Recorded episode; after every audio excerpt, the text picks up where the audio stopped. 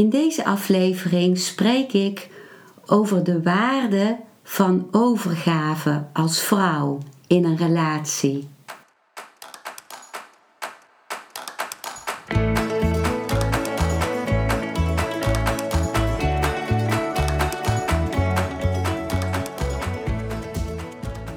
Welkom bij een nieuwe aflevering van Modita's podcast Van Pijn naar Zijn.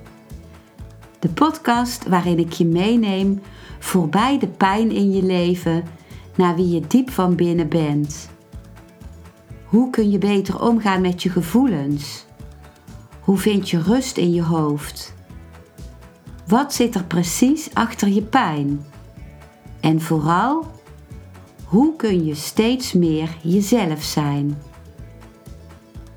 Adem eens diep in en uit. Ik wens je veel luisterplezier.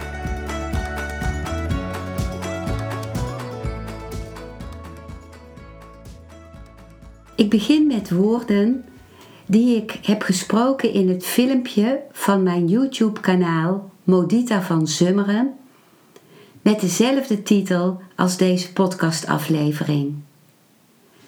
Dus hier volgen de woorden van mijn YouTube-filmpje. Wat is de waarde van overgave aan een man voor jou als vrouw in een relatie?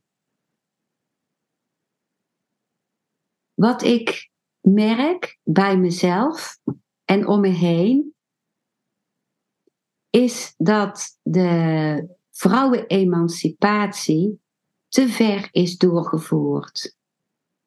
Destijds ontstaan vanuit een je overroeld voelen door de man, omdat er een uh, lange tijd uh, in de geschiedenis een soort uh, overheersing geweest is vanuit de man, een, een soort patriarchale samenleving. Terwijl als je verder terug gaat kijken, heel ver in de geschiedenis was er de overheersing van de vrouw over de man. Maar vanuit een angst om overroeld te worden, en nog steeds zijn er heel veel patriarchale dingen in de samenleving, ook op de werkvloer bijvoorbeeld. Vanuit die angst zijn veel vrouwen, waaronder ook een deel in mijzelf, zich gaan wapenen. En is dat in veel gevallen doorgeslagen naar een soort klein willen houden, onbewust klein willen houden van de man. En in mijn beleving uh, wordt dat ook gedoogd door de man vanuit een soort collectief uh, schuldgevoel over het verleden, over de overheersing in het verleden. Maar wat ik zelf heb gemerkt is dat dat ten koste gaat van mijn relatie. Dat ik dan heel veel dingen ga bedisselen uh, voor de man, dat ik wat hij zou willen regelen, dat ik dat zelf ga regelen. Uh, dat ik daar dan ook heel snel in ben. Een vrouw heeft vaak heel veel overzicht uh, vanuit haar positie van het vaak uh, moeten regelen van dingen binnen het gezin. Ik heb zelf geen gezin, maar dat is bij veel vrouwen zo en daar zijn vrouwen vaak ook heel goed in. Maar van oudsher is het ook een, een behoefte en een taak van de man om te regelen om natuurlijk zijn in deze tijd uh, verschuiven dingen ook weer. Vaak is ook een vrouw de kostwinner bijvoorbeeld. Maar van oudsher en ook vanuit de, de biologie van de man, vanuit het, het, het zijn, het wezen van de man, wil die in feite voor zijn gezin zorgen. Zorgen dat, uh, dat er een huis is, dat er inkomen is, dat. En is van oudsher, en dat zie je ook bij familieopstellingen, van de vrouw veel meer de kwaliteit om te verbinden, om gezelligheid te maken, om, om uh, een, voor een warme sfeer in huis te zoeken. En voor de man meer om het kader te scheppen voor dat alles.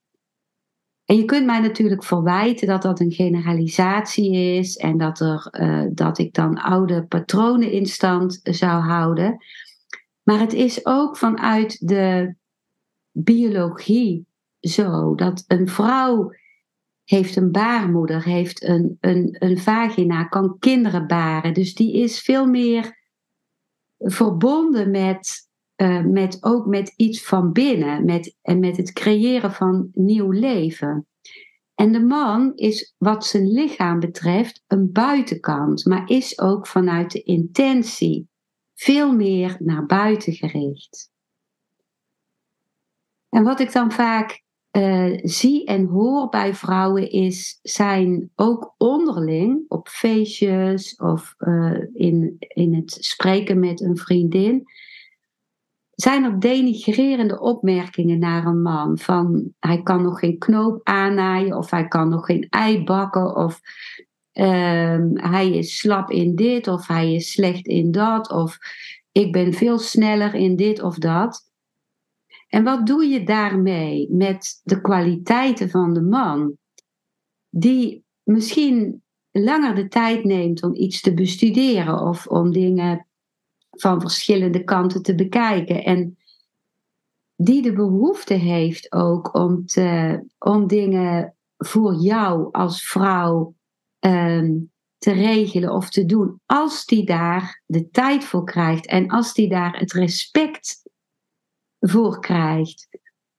En mijn eigen ervaring is dat ik ook door de, de rust en de relaxatie die de somatic experiencing, de traumaheling opleiding mij brengt, ben ik meer in een, uh, gekomen in een staat van uh, rust, balans, uh, laten zijn wat er is. En ben ik ook meer mijn houding gaan zien. En heb ik die houding aangepast. Bij het weer ontmoeten van mijn Indiase vriend in India deze zomer, merkte ik dat ik uh, ging kijken naar wat is voor hem belangrijk en hoe leeft, hoe doet hij het en hoe kan ik ruimte geven en hoe kan ik hem de dingen laten regelen en laten organiseren. Voor een reis die we maakten, voor uh, uh, samen uit eten gaan. En ik voelde dat ik daarmee kwam in de zachtheid en de, de vrouwelijke kwaliteit. Uh, niet een, een onderdanige positie, maar een, een uh, kwaliteit van zachtheid en ook dat ik me gekoesterd voelde door wat hij voor me regelde en wat hij, hoe hij voor me zorgde. Waar hij de kans eerst niet voor kreeg, omdat ik alles wilde bedisselen. En het, ik merk dat dat doorwerkt in mijn hele uh, leven. Ook nu ik weer in Nederland ben, voel ik nog steeds die zorg en die koestering en de waarde van dat stuk ego van mezelf opgeven om dat te kunnen ontvangen. In feite is dat een vrouwelijke kwaliteit, ontvangen. Dit waren de woorden van mijn YouTube-filmpje. Nu deel ik woorden van de Oosterse mysticus Osho die gerelateerd zijn aan dit onderwerp. En het eerste stuk uh, gaat over het verschil tussen speciaal zijn en uniek zijn. En die woorden zijn terug te vinden in het boek Tao, The Pathless Path, volume 2, hoofdstuk 6. Iemand vraagt dan aan Osho: wat is het verschil tussen speciaal zijn en uniek zijn. Osho zegt dan: Uniek zijn is ieders natuur. Speciaal zijn is relatief. Als je gaat voelen dat je speciaal bent, vergelijk je jezelf met iemand. Speciaal zijn is in vergelijking met iemand. Bij uniek zijn is er geen vergelijking. Uniek betekent dat je alleen bent zoals je bent. Hoe kan dat vergeleken worden? Je kunt een auto niet vergelijken met een olifant. Ze zijn zo verschillend. Hoe kun je ze vergelijken? Elk individu is zo verschillend van elk ander individu dat er geen mogelijkheid tot vergelijking is. Uniek zijn is ieders natuur, maar speciaal zijn is vergelijkend. Uniek zijn is religieus, speciaal zijn is politiek. Als je beweert dat je speciaal bent, beweer je dat je meer bent, superieur aan anderen, dat anderen lager zijn, inferieur aan jou. Je haalt de ander erbij als je het woord speciaal gebruikt. En dat is gewelddadig. Jezelf op wat voor manier dan ook met iemand vergelijken is gewelddadig. Want hij is hij. En jij bent jij. En jullie zijn allebei zo verschillend. Het idee van vergelijken zelf is dom. Door vergelijking ontstaat er ellende. Ofwel je voelt je minder waardig, dan is er ellende. Ofwel je begint je superieur te voelen en ook dan is er ellende. Als je je superieur voelt, ontstaat er ego. En ego doet pijn. Als je je minderwaardig voelt, is het ego gewond. En die wonden doen pijn. Je voelt je misschien superieur aan de ene persoon, maar hoe zit het met anderen? Het kan zijn dat je op een dag iemand tegenkomt tegenover wie je je minderwaardig voelt. Bij de een voel je je misschien intelligent, bij de ander lijkt je misschien een heel klein iemand. Bij de een voel je je misschien mooi, bij de ander begin je je misschien lelijk te voelen. Als je het idee van vergelijking met je meedraagt, draag je zaden van ziekte die ellende veroorzaken en niets anders. Vergelijking schept een hel. De hemel is een innerlijke ruimte waar je een leven zonder vergelijking leidt. Je leeft gewoon zelf. Het is jouw leven. Jij bent jij. Denk eens aan de schoonheid daarvan, de enorme zuiverheid daarvan. Jij bent gewoon jij. Dan ben je mooi. Ben je lelijk? Ben je intelligent of onintelligent? Als je gewoon jezelf bent en er is geen vergelijking, hoe kun je dan zeggen dat je dit of dat bent? Dan verdwijnen beide. Er ontstaat neti-neti. Nog dit, nog dat.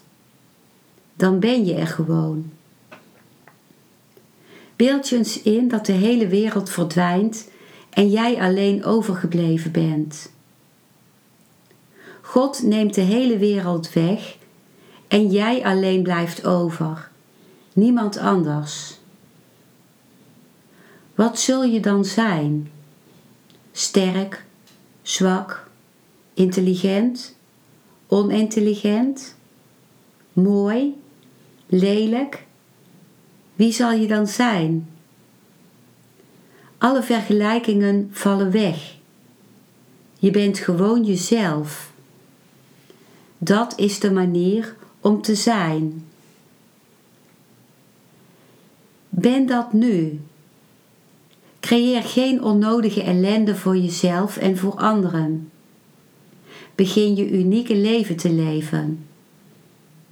uniek zijn is ieders natuur. Met het gevoel van speciaal te zijn komt ambitie binnen.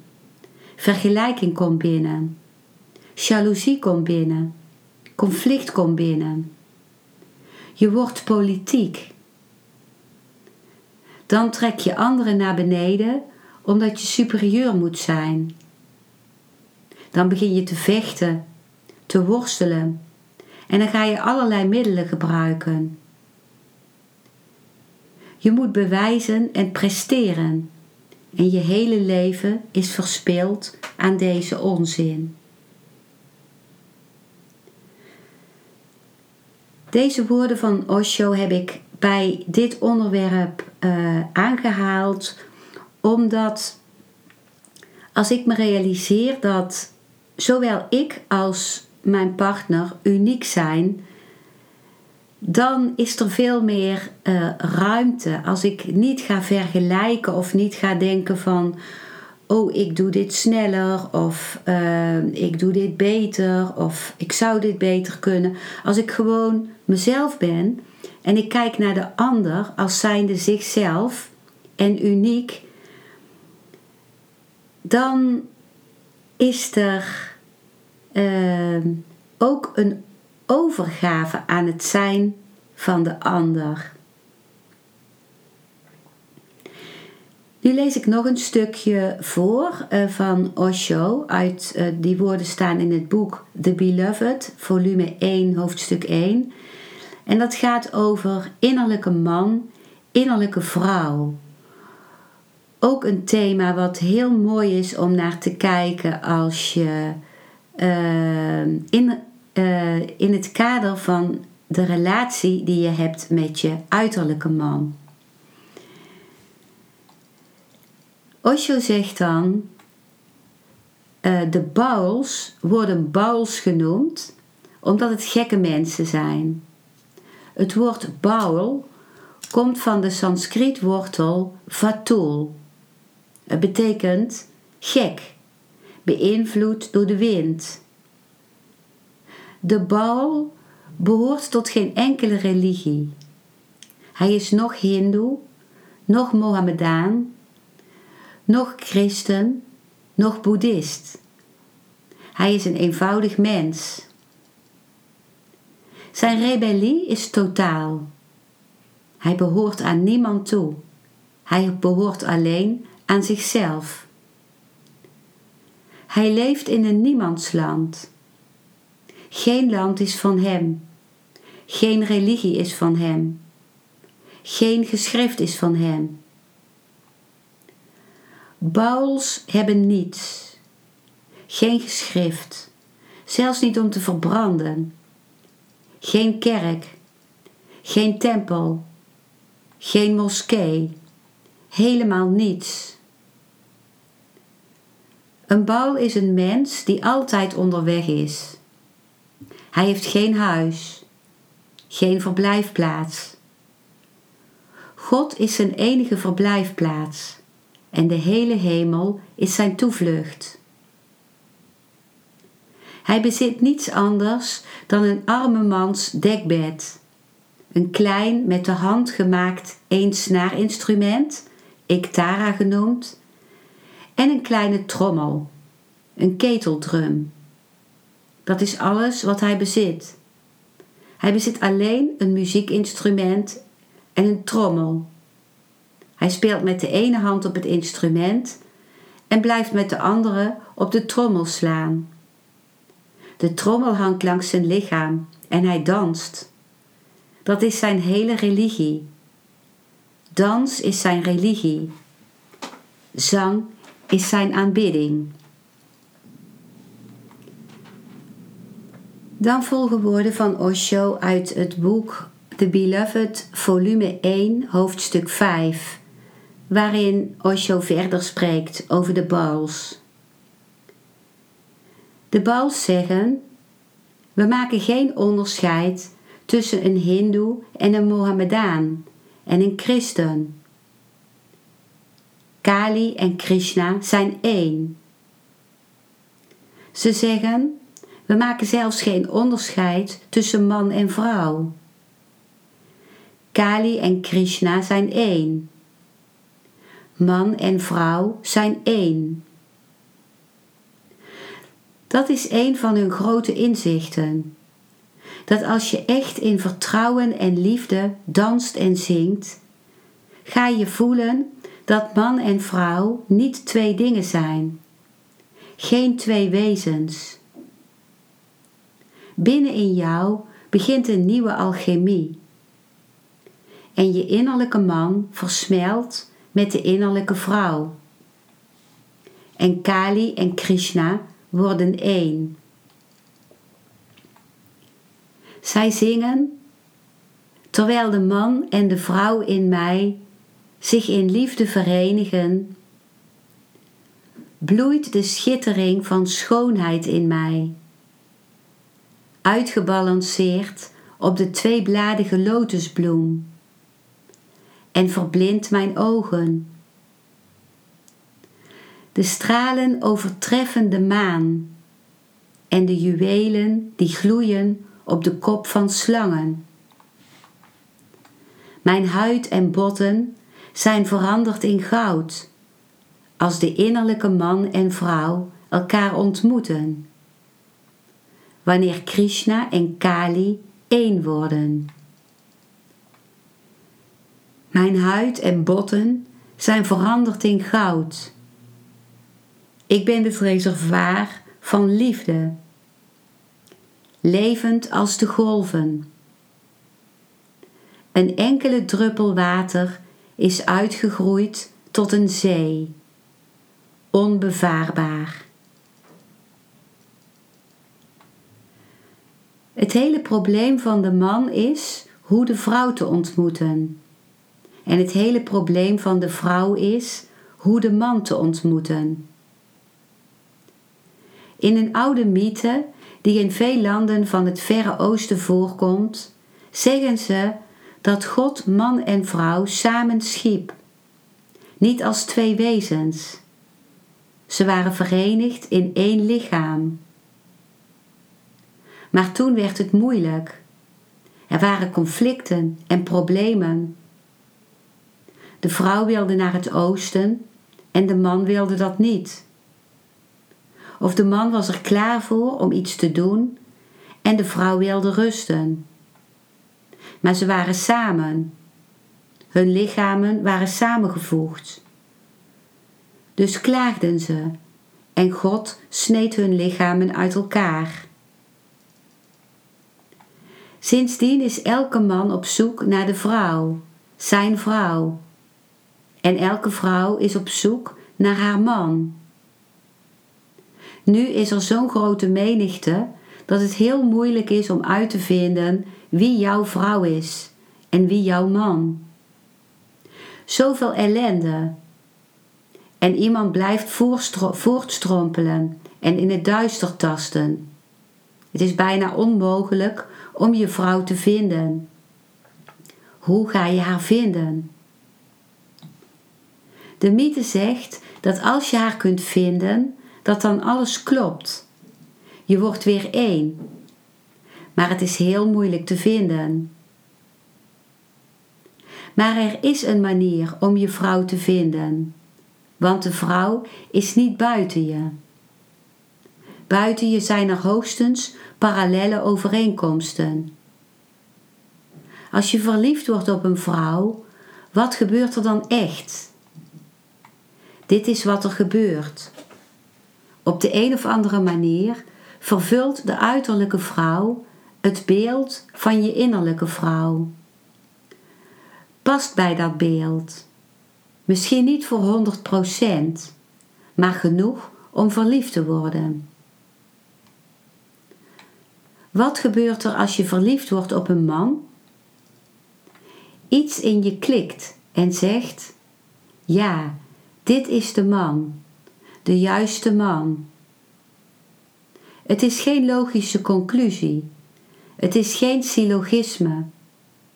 Het is niet zo dat je alle voor- en nadelen van de man te weten komt en dan beslist, of je vergelijkt de man met alle andere mannen in de wereld en dan beslis je.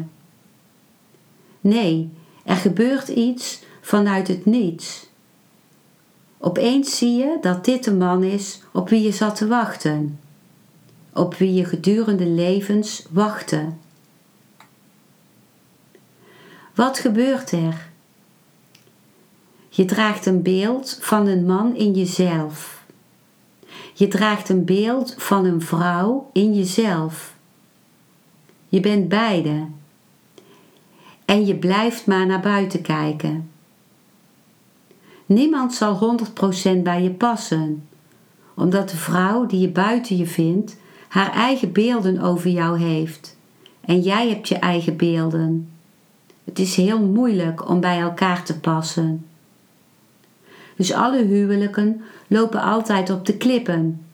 En mensen leren langzamerhand hoe ze vreedzaam verder kunnen gaan. Ze leren om de boot niet te laten schommelen. Maar van buiten kan er niet meer gebeuren. Bals zeggen: diep binnenin jou bestaan beide, Krishna en Kali. Laat ze elkaar daar ontmoeten. Dat is de hele Tantra-methode. Hoe je je innerlijke man kunt toestaan de innerlijke vrouw te ontmoeten. En wanneer dit een cirkel wordt, wanneer deze ontmoeting, wanneer deze innerlijke copulatie plaatsvindt, is er een geweldig orgasme. Een geweldig explosief orgasme begint dat een begin kent, maar geen einde. Dan leef je een orgastisch leven. Een enkele druppel water is uitgegroeid tot een zee, onbevaarbaar. Dan ben je niet meer eindig. Je wordt oneindig. Met deze woorden van Osho wil ik deze aflevering beëindigen. Dankjewel voor het luisteren naar deze aflevering. Ik hoop dat hij je een nieuw inzicht of perspectief heeft gegeven. Ik hou van interactie, dus als je iets wilt delen, stuur me dan een mailtje op info@genietenvanmeditatie.nl. Ik geef je dan altijd antwoord. Ik wens jou dat je vreugde in het dagelijks leven zult ervaren en innerlijke rust. En dat je steeds meer je pijn zult kunnen omvormen in zijn. Je kunt de afleveringen van deze podcast volgen via Spotify, Google Podcast, Apple Podcast en Podbean door op de volg- of abonneerknop te klikken. Als je luistert via de Apple Podcast, dat kan alleen als je een iPhone hebt, heb je een extra voordeel. Omdat als je op de knop abonneren klikt, je steeds een berichtje op je mobiele telefoon ontvangt als er weer een volgende aflevering van mijn podcast verschijnt. Je bent van harte welkom bij die volgende aflevering.